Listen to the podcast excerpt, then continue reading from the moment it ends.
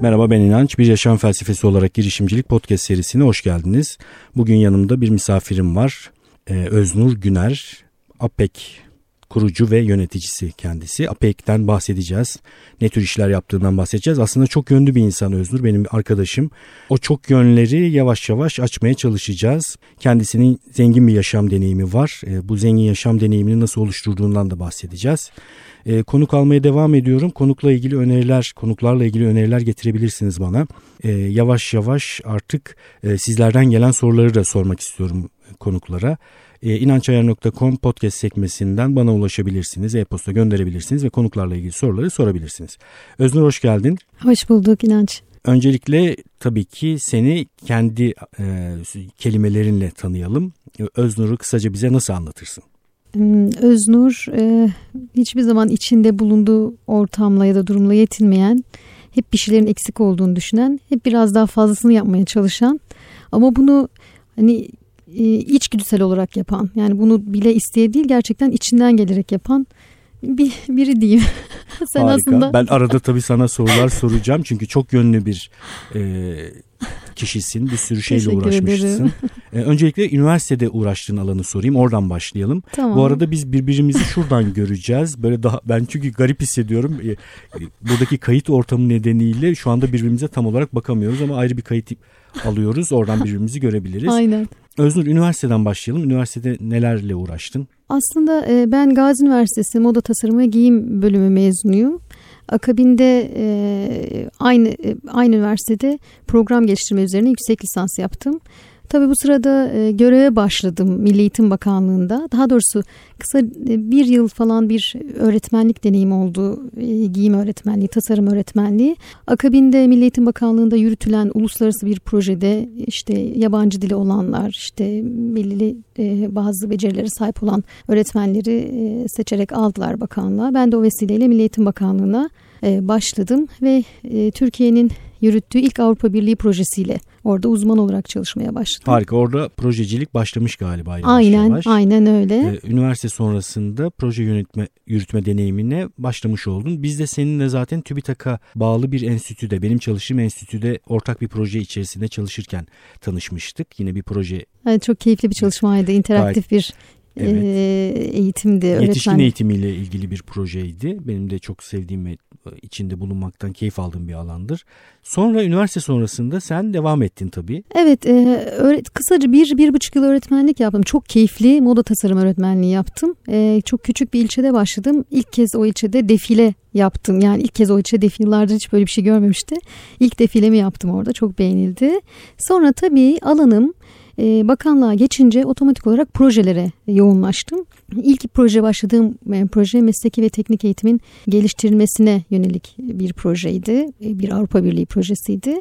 Orada e, sürekli yabancı uzmanlarla zaten çalışıyorduk bir arada. O çok iyi bir bana deneyim ve kazanım oldu. Çok iyi hocalardan eğitimler aldık. Bu sırada, Orada kullandığın bir yöntem vardı senin galiba mesleki yeterliliği açığa çıkarmak üzere. Çok güzel, çok doğru. E, bunları da zaten hepsini bu e, ilk bakanlığa geçtiğim ilk yıllarında DAKUM yönteminden bahsediyorsun DAKUM sen değil mi? Evet. Bu Ohio State Üniversitesi'nin patentli bir e, yöntemi.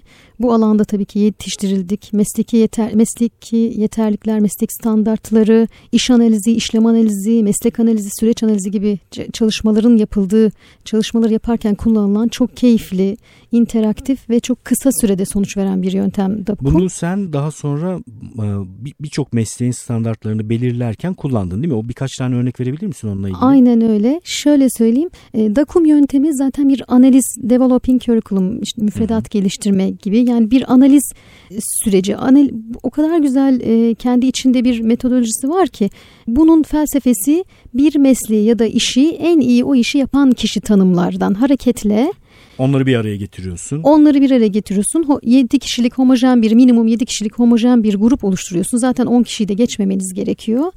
Bu homojen gruptan kasıt o mesleği yürüten, mesleğin başında olan, meslekte yöneticilik tecrübesi olan ya da mesleğinde artık sonuna gelmiş, e, belli şeyleri almış e, ve kadın ve erkek olacak şekilde homojen şekilde bu 7 kişi minimum 7 kişi oturtuluyor ve her biri burada tabii moderatöre çok büyük bir iş düşüyor.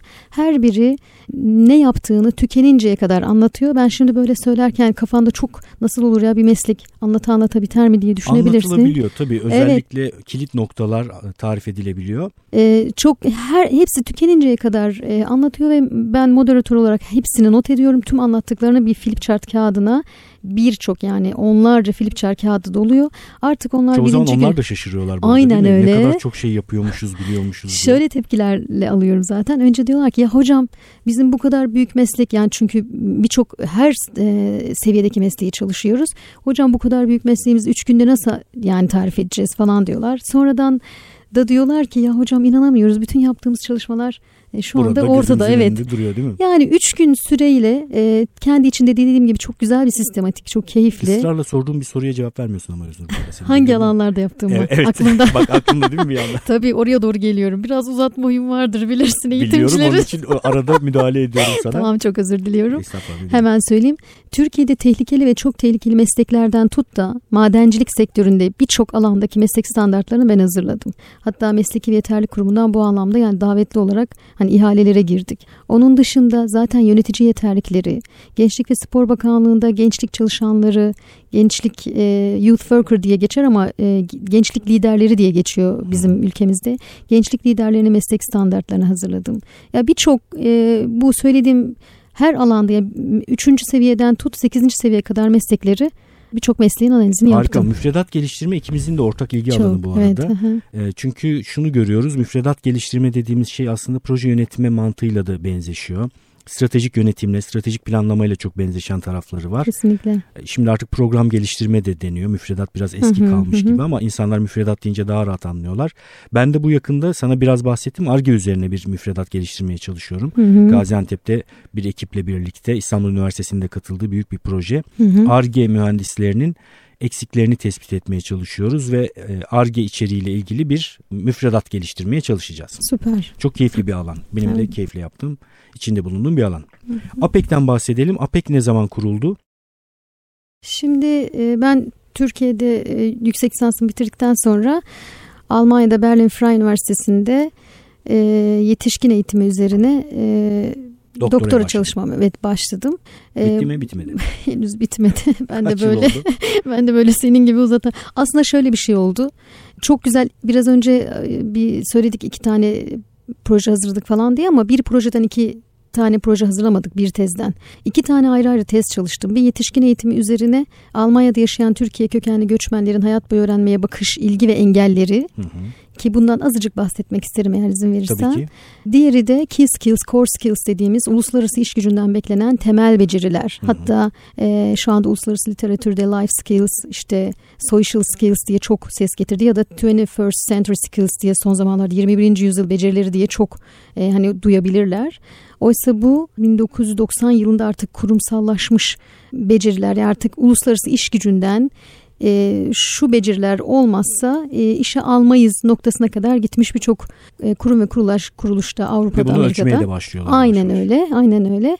E, dolayısıyla iki alanda da çalıştım ben. Gerçekten çok e, uzun ama yorucu e, ama keyifliydi. İki proje, iki tezde hazırlandı.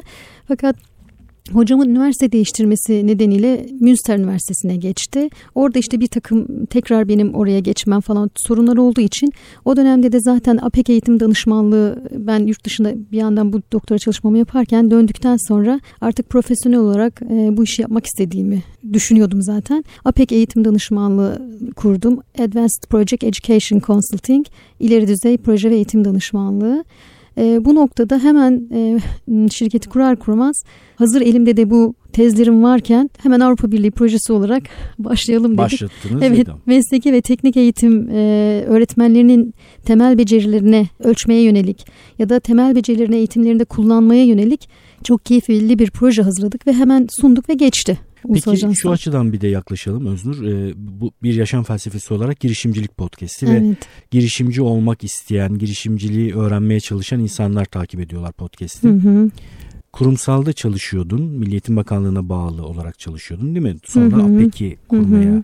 ve kendi işini yapmaya karar verdin. Evet. O süreci biraz anlatır mısın? Yani Neler işini kolaylaştırdı? Nasıl karar aldın? Şöyle e, şimdi e, ben çok keyifli çalıştım gerçekten. Bakanlık bana çok şey kattı. Ben de bakanlığa çok şey kattım. Yani bir müddet sonra artık biliyorsun bunlar karşılıklı olmaya başlıyor.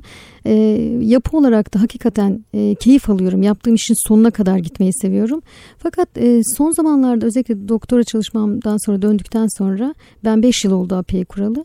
Böyle e, bir bakanlıkta hani çok istediğim şeyleri yapamadığımı, e, şu ya da bu sebeple hani birçok şeyin hani engellendiğini, belki kasıt olmasa da istediğim hızda gidemediğimi fark ettim. Büyük ihtimalle kasıt yok sadece evet. işte senin kadar hızlı çevik hareket edemiyor. Olmuyor. Yapı, Çünkü yapı zaten Milli Eğitim Bakanlığı biliyorsun bakanlık olarak dünyanın 6. büyük kuruluşuyuz tabii, biz Milli Bakanlığı. Bayağı uzun dönem birlikte Aynen. iş yaptığım bir bakanlık. Şimdi bir de tabii ki prosedürler işte bir şeyler ama ben biraz daha aktif biraz da sonuç odaklı çalışan bir insanım. Ya bir müddet sonra bu insanı geriyor. Sonra e, kulakları çınlasın. İlhan Hoca'nın çok güzel bir sözü vardı. İlhan Gülertan. Evet İlhan Gülertan. Selamlar ee, Sevgili hocama da selam gönderelim buradan. Bir gün e, o sizin TÜBİTAK'taki çalışmada demişti ki bana ben de tam o dönemlerde işte e, proje işte şirketi kuruyorum işte logosunu tasarlıyoruz bilmem ne çok Liderlik heyecanlı zaman. üzerine yaptığınız bir iş vardı değil mi? Evet evet. Hı hı, hı. Ee, tam o sırada yaparken işte ben de yönetici olarak biliyorsun gelmiştim o çalışmaya. Sınıflara girdiğimde bir sınıfta İlhan Hoca işte ders anlatıyordu. Dedi ki İnsanların o kadar çok bahanesi vardır ki dedi. Ah şu önümdeki sandalye olmasa ben neler yapacağım işte. İşte şu kenarda dursa neler bir sürü bununla ilgili çok güzel şeyler Tabii. anlattı. O sandalye benim böyle bir, bir şeyler çilink etti yani. Çilink. evet. İçeride metal de varmış galiba. Aynen öyle. Sonra İlhan, İlhan Hoca çilingirdir böyle çilink ettirir. Ama gerçekten önemli bu arada. Ben yetişkin eğitimi bu yüzden seviyorum. Özür evet. Yani böyle kimya formülü gibi birden bu podcast'i de o yüzden yapıyorum. Hı hı pat diye söylediğim bir cümle bir insanın hayatını değiştirebilir. Çok çok kesinlikle. Bak ben zaten belli bir belli aşamaya gelmiştim. Muhasebecim falan her şeyi tutmuşum. Logom hazırlanmış falan. Artık son kuruluş aşamasında kuracağım şirketi. Çilink bekliyorsun. Çilink bekliyorum. Dedim ki ya ben hani şöyle yok işte bakanlıktayım yıllar yıllarımı vermişim. işte çok da güzel bir teklif geldi. Farklı bir bakanlıktan e, yöneticilik işte bir daire başkanlığı noktasında falan. Çok akıl şeyler böyle tekliflerde bu arada. Evet. Tam yani da böyle sen bir şey yapmaya çalışırken gelir o teklifler. Düşünebiliyor musun? Yazım falan çıktı falan. Ben böyle yazıyı işte istemiyorum diye geri çevirdim. İnanılır gibi değil. Herkes şok falan. Ama ben ne istediğimi biliyordum. Sonra işte, e, işte tabii ki o noktadan sonra ben hiçbir şekilde durmamam gerektiğini düşündüm ve APEK Eğitim Danışmanlığı kurduk. İyi ki de kurmuşuz. İyi ki de kurmuşsun. Aynen öyle. Çok keyifli projeler yürütüyoruz orada. Evet birlikte de bir şeyler yapacağız. Onu yapacağız da tabii. daha sonra. Evet aslında sen de güzel bir Gençlik Spor Bakanlığı'nda güzel çalışmalar da yapmıştık. Evet arada yaptığımız şeyler ya, oldu. Devamını da getirmemiz lazım kesinlikle. Tabii ki. Sen görüntüdesin şu anda Özgür bu arada. tamam biliyorum. Şöyle notlarıma bakıyorum. Notlarına bakıyorsun tabii ki bakabilirsin. Kesinlikle notlarıma Ben bunu bakıyorum. daha sonra yayınlayacağım çünkü. Şimdi podcast'ten de duyurmuş olayım. İlk defa şu, böyle bir şey yaptım. O zaman bir el Evet. e, şu andaki podcast kaydını aynı zamanda videoya kaydediyorum. Bunu bir yere koyarım. Siz de bunu izlersiniz. Biz de izleriz. Evet. Bakalım böyle bir şey de yapmış olduk. Biz şimdi kaydı tamamlıyoruz. Bizim için çok keyifli geçti sohbet. Umarım sizler için de keyifli geçmiştir. Bu kayda özel olarak kaydın tamamını videoya da çektim inançayar.com'dan beni takip edenler, Instagram'dan takip edenler inançayar hesabını nereye koyduğumu oradan takip edip görecekler. Bir yere koyacağım, izleyebileceksiniz. Bakalım nasıl bulacaksınız kaydın video halini de. Ee, bana inançayar.gmail.com'dan e-posta gönderebilirsiniz. E-postalar geliyor, insanlar fikirlerini anlatıyorlar. Bir de böyle podcast'i arkadaşlarına da önerenler, yayılmasını sağlayanlar var. Onlara da ayrıca çok teşekkür ediyorum. Görüşmek üzere.